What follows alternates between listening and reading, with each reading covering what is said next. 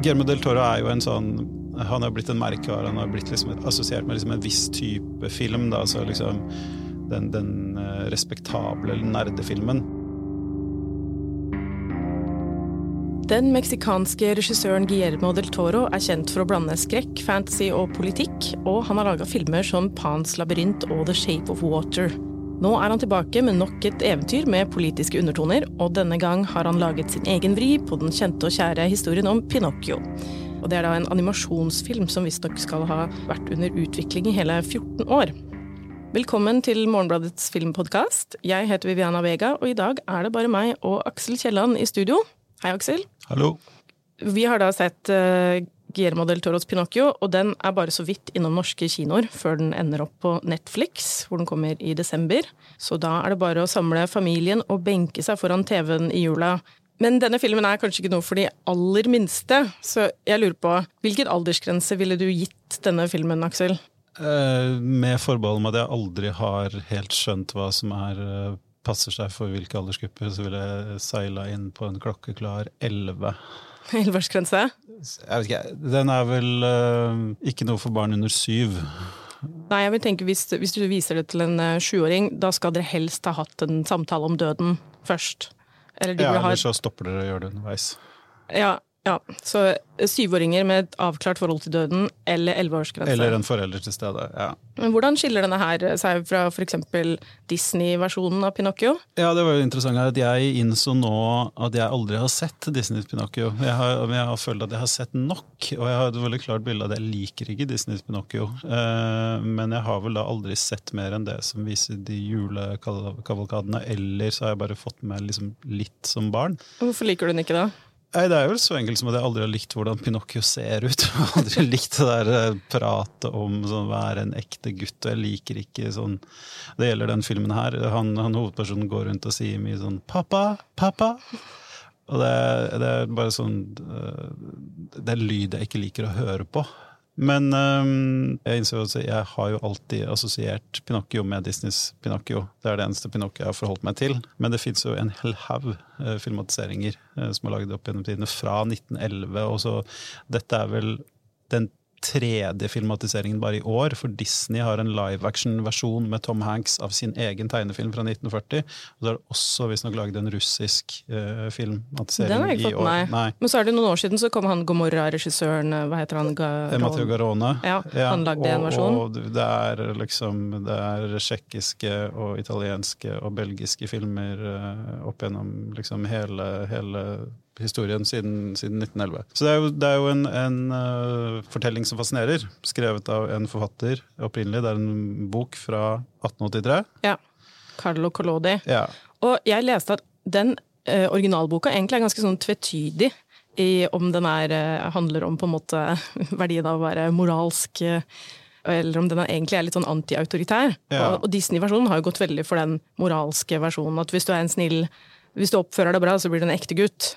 Mens her, eh, denne Del Toro-versjonen, vil jeg si feirer kanskje litt mer det antiautoritære aspektene ved historien. Ja, og den er også mer altså, hva skal man si, Den er i hvert fall mye mer, mindre entydig og, og, homogenisert enn vi assosierer med Disney. da, Og det er jo noe man alltid har snakka om og, øh, altså med Disney sine eventyrfilmer. Enten de tar utgangspunkt i relativt moderne fortellinger som her, eller gamle folkeeventyr, så er det jo en sånn de de fjerner alt, all moralsk tvetydighet. De fjerner liksom, altså alle de der uh, psykologiske problemstillingene og liksom perversiteten og menneskelig driften og liksom hevnbegjær og alt mulig sånn som, som ligger knadd inn i liksom gamle folkeeventyr og sånn. Det fjernes i stor grad i, i, i Disney-filmer. At du får en mye mer sånn strigla og grunnleggende sett kanskje kristen. da, altså En sånn klar oppdeling i godt og vondt. Og ikke noe særlig, altså du ikke, du skal ikke tenke på noe. Du kan sitte igjen med noen spørsmål når du har sett en Disney-film. Nei, og du skal helst ikke lure på hvorfor denne gamle mannen lager seg en tregutt. Nei. altså, her gir det jo på en måte litt mer svar på hvorfor han ville lage seg en tregutt. Ja, for at utgangspunktet det er, jo, det er jo på en eller annen måte så er det Frankenstein for barn, da. Altså, det, er jo, det er jo en mann som skal skape en altså, Her er det jo Han er vel definert som treskjærer, men han er jo en slags oppfinner. Uh, og han er ja, kanskje ikke gal, men han er gal av sorg. eller Han, er liksom drevet, han har mista en sønn, og, og har som ambisjon da å, å skape en eh, erstatningssønn lagd av tre. Og det er jo egentlig et ganske creepy premiss. Uh. Det, det er mye å, å ta tak i der. Altså Her får vi jo se her, her gjør han det i fylla, det syns jeg var interessant. Ja, altså, det sånn- Geppetto veldig ja, alkoholisert. Advarsel, ikke drikk og spikk. eh, eh, og så dukker det da opp en eh, litt sånn tvetydig vesen, da. Er det en engel? I Disney-filmen er det vel en fe? En, god fe? Ja. Som besjeler denne dokka av tre. Eh, og her er det et mye mer sånn eh, Hun ser jo ut som en blanding av en engel og en havfrue, Og nærmest. litt sånn Sphinx-aktig. ja, det er søsteren. Oh, ja, ja, okay. For det er- er flere av disse. Men det er sånt, eh, og, og du ser også um, Del Toro har lenge, lenge samarbeida med en veldig dyktig tegneserietegner. Eller en, en dyktig tegneserietegner som slutta å tegne tegneserier. For han var så forbitra over den amerikanske bransjen og begynte å designe uh, mye av liksom, karakterene i, i filmene til Guillermo del Toro som heter Guy Davis. Han har, du, her kjenner du igjen veldig estetikken da, i disse englene med liksom øyne på vingene og overalt. Ja, for det er ikke sånn pene damer, sånn som det er i Disney. Nei, det er disse mer sånne klassiske hedenske um, krysningene av ulike liksom uh, arter og sfærer og det fryktinngytende og det uh, forførende. Uh, og hun uh, forbanner jo på et vis da Pinocchio, sånn at han hver gang han dør, så vekkes han til live igjen. Mm, Og da må han tilbringe liksom litt tid i underverden sammen med henne, men så Nei, med søsteren, er det vel. Med sfinksen. Ja, det stemmer nok. Og noen Eh. Men, men det, som, det som skjer, er at eh, når han eh, tilbringer tid i dødsriket, så eh, eldes eh, de menneskene i det levendes verden. Sånn at det går bra når han dør, men det har også disse komplikasjonene som du har når du har liksom, noen udødelige og noen levende. Ja, det er sånn som vampyrfilmer. De kommer alltid til å miste de dødelige som de elsker. Ja, og det er liksom den store tragedien, da. Del Toro har jo også valgt å sette denne Pinocchio-filmen til eh, 1930-tallet, og da lagt det til på en måte Mussolinis Italia. Jeg må si Min interesse for denne filmen ble vekka da jeg leste en anmeldelse i New Musical Express, hvor det sto at Del Toros Pinocchio farts in the face of fascism. Og jeg syns det var litt gøy at han på en måte gjør fascister til sånne skurker eller busemenn i en eh, barnefilm. Men syns du filmen lykkes i å liksom fise fascister i trynet? Nei. Uh, jeg kan ikke huske Jeg fikk ikke med at han spesifikt gjorde det, men gjorde han det? Altså, nei, nei, ikke, ikke bokstavelig talt. ikke bokstavlig. Nei, men det var noe Men- litt sånn bæsjehumor og sånt, Ja. da. Og Mussolini var, eh, var til stede. Og øh, for ordens skyld, uh, altså det er jo den rollen fascister skal ha i barnefilmer. Men, men det er jo ikke en sånn Den har jo ikke noe veldig sånn dyptpløyende innsikter om fascisme er. og liksom Pinocchios kritikk av Mussolini er jo ikke liksom fundert på noe annet enn instinkt, nærmest. Han er jo Det- bare en bad guy, en skurk. Ja. Ja. Så, for det, det har jeg tenkt veldig mye på, at det er jo ikke første gang Del Toro eh, har fascismen som bakteppe i liksom en av disse eventyrfilmene sine. Eh, det har han hatt eh, i 'Djevelens ryggrad', den er kanskje mer horror for så vidt enn fantasy, og 'Pans labyrint'. Som eh, foregår i Spania eh, under borgerkrigen og under Francos diktatur, Ja. som fulgte. Og det er jo veldig overraskende mange paralleller mellom de to filmene. Det skal sies at Uh, Ja, 'Pans labyrint' og 'Pinocchio'. Ja? Pans labyrint er jo en live action-film. For det er vel kanskje en ungdomsvoksenfilm. Uh, mens dette er jo da en stop motion-animert barnefilm. Stop motion altså da når du har dokker, og så flytter du de, og så tar du et bilde, og så flytter du, og så tar du et bilde, og så gjør du det 24 ganger. Sånn så som har du en- Så har du en sekund. Ja, Ja, sånne sekund med film. Mm.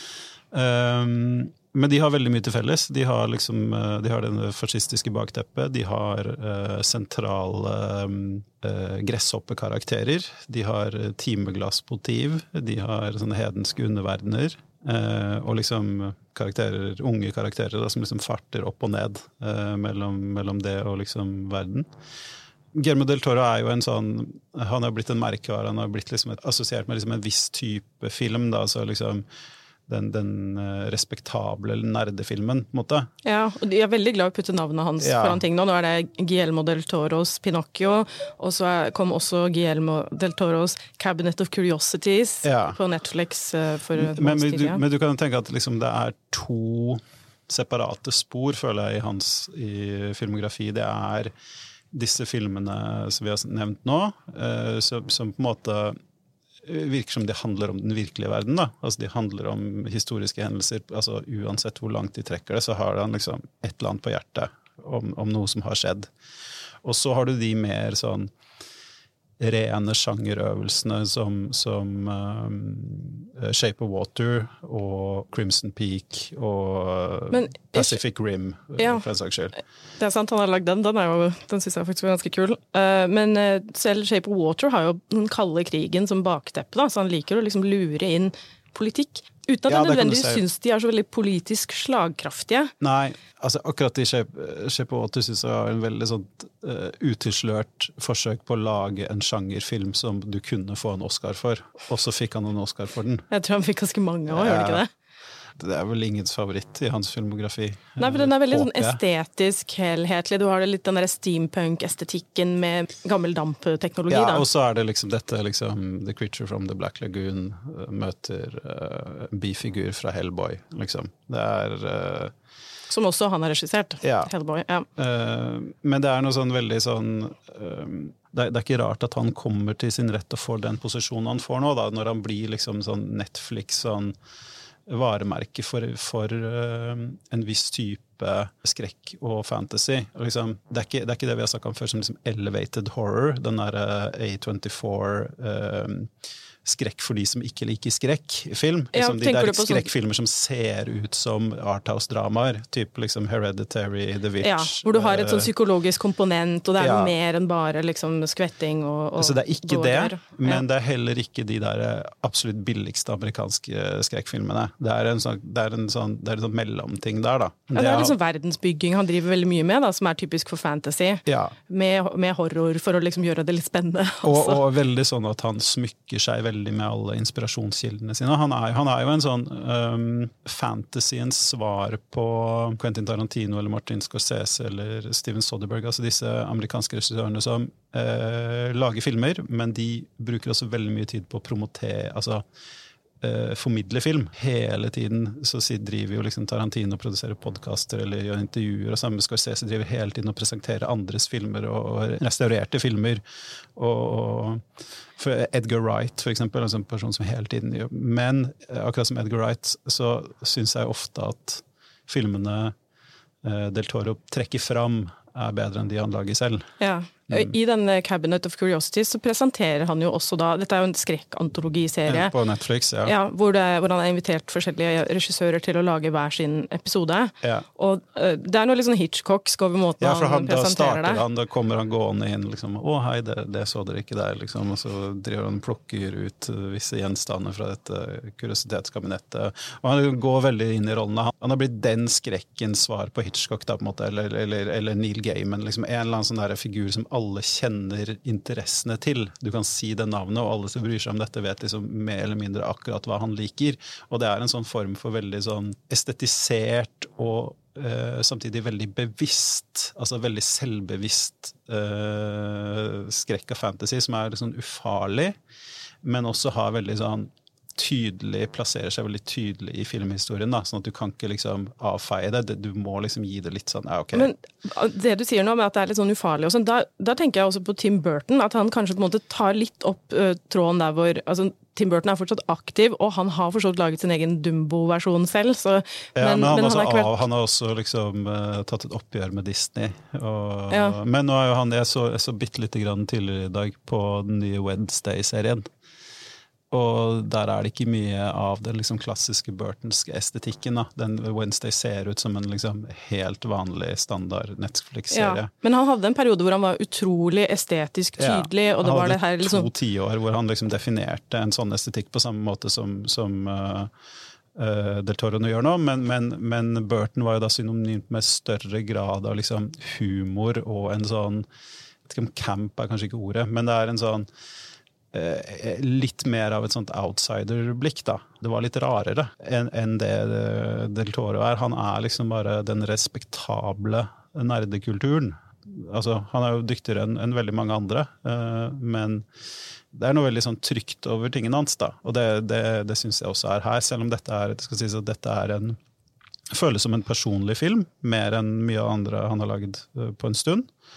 Uh, og det føles som han har noe på hjertet, uten at det liksom er så åpenbart for meg hva, hva det er.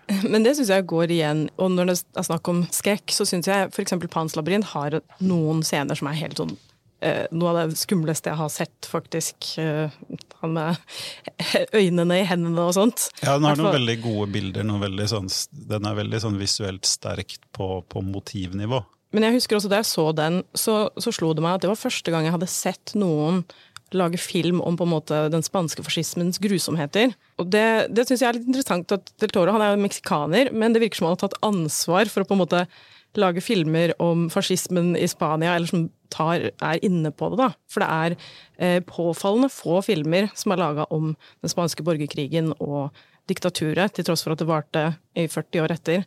Men samtidig så han putter det på en måte i et eventyr, så det, er, det blir en liten sånn detalj på siden, og så er det sånn å uff, disse var helt forferdelige uh, mennesker, og helt skrekkelig vold, men så det er på en måte aldri sentralt i filmene. Jeg synes det er veldig interessant hvorfor han velger å på en måte krydre filmene. Kanskje han bare tenker at sånn, nå, nå har det gått ti år til, og ingen har lagd noen filmer om fascismen i tide. Ja, altså bare, jeg har tenkt å lage en eventyrfilm. Kanskje jeg bare putter det inn her, da. Jeg tror nok fascismen i Italia er litt bedre dekka i filmhistorien enn det eh, diktaturet er i, i spansk film. De internasjonale brigadene, altså liksom sånn utlendingene som kjempa, det er jo sånn, det er et veldig sånn tilbakevendende tema, kanskje mer i litteratur enn i, i, i film. Men selve liksom spanjolene i Spania, det vet man mindre om. Eller hvis man har- bare følger dette via populærkultur. Da. Det har nok vært litt sånn berøringsangst eh, etter at eh, Franco, da, diktatoren, døde i 1975. Så bare lagde de rett og slett en lov i Spania om at de skulle glemme De har jo ikke tatt noe ordentlig oppgjør med det. Eh, Og eksempel Pedro Almodovar, da, som er kanskje Spanias fremste regissør, han har ikke vært innom fascismen før i fjor. I sin film 'Parallelle mødre', hvor eh, Penelope Cruz spiller en som har lyst til å grave opp sine døde eh, oldefedre. da.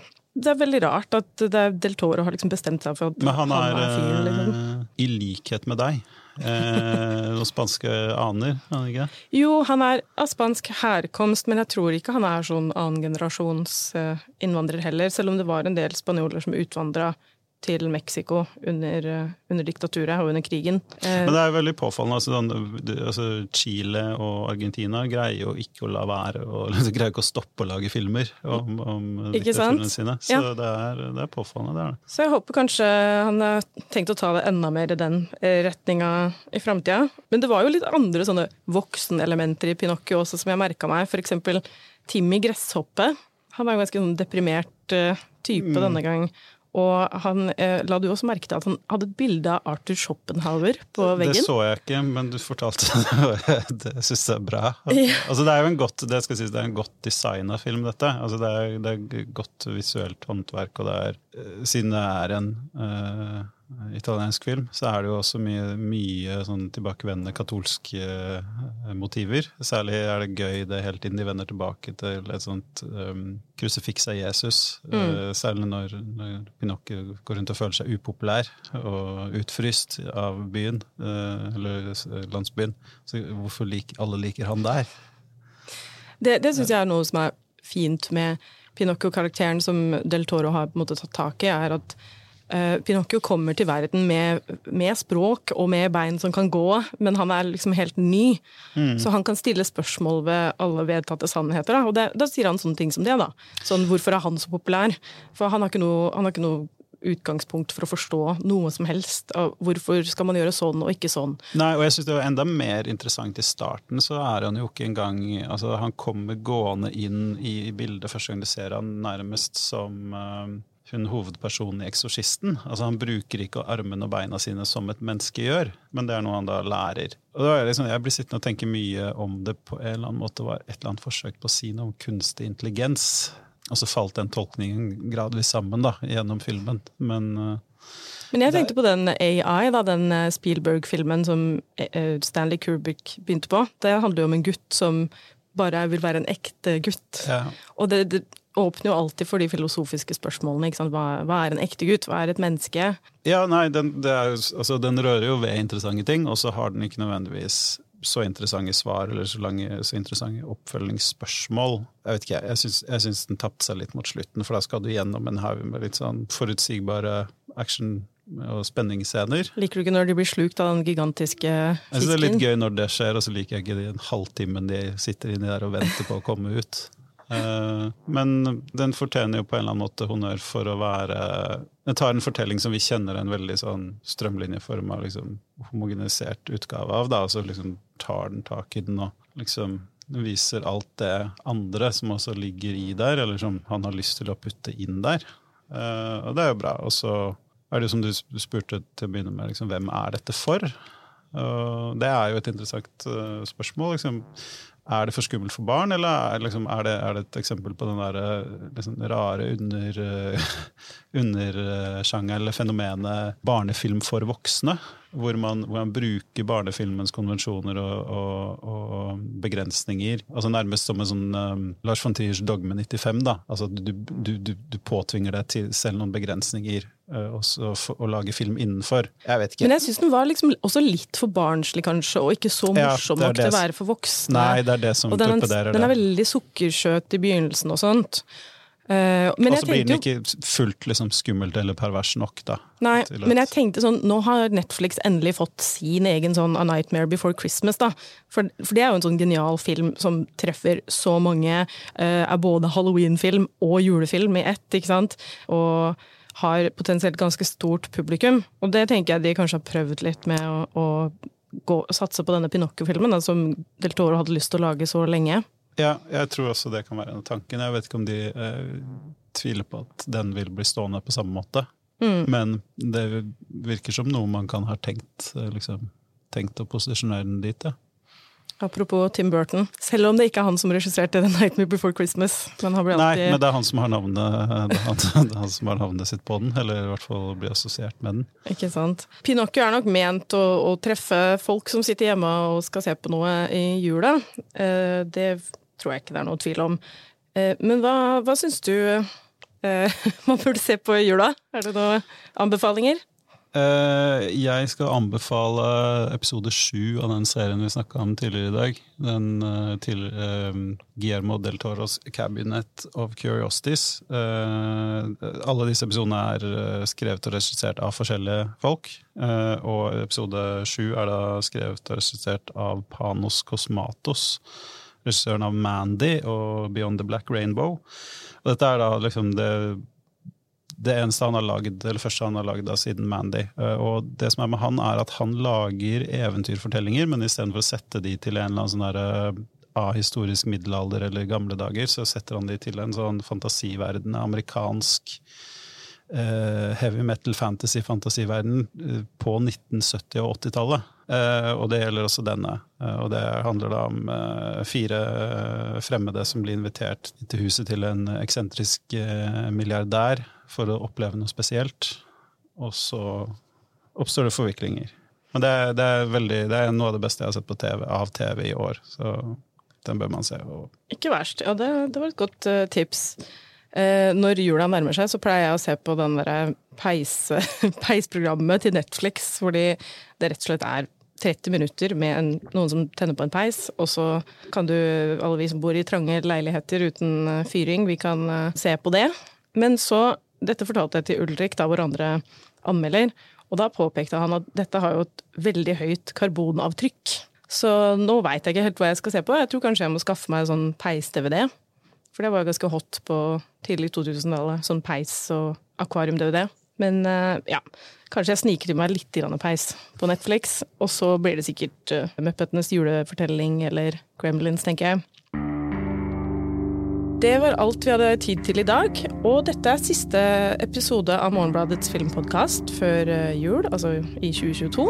Hvis du har lyst til å lese masse godt stoff om film og TV i jula, så anbefaler jeg å gå inn på morgenblad.no og tegne et abonnement. Så høres vi igjen i 2023. God jul og godt nyttår.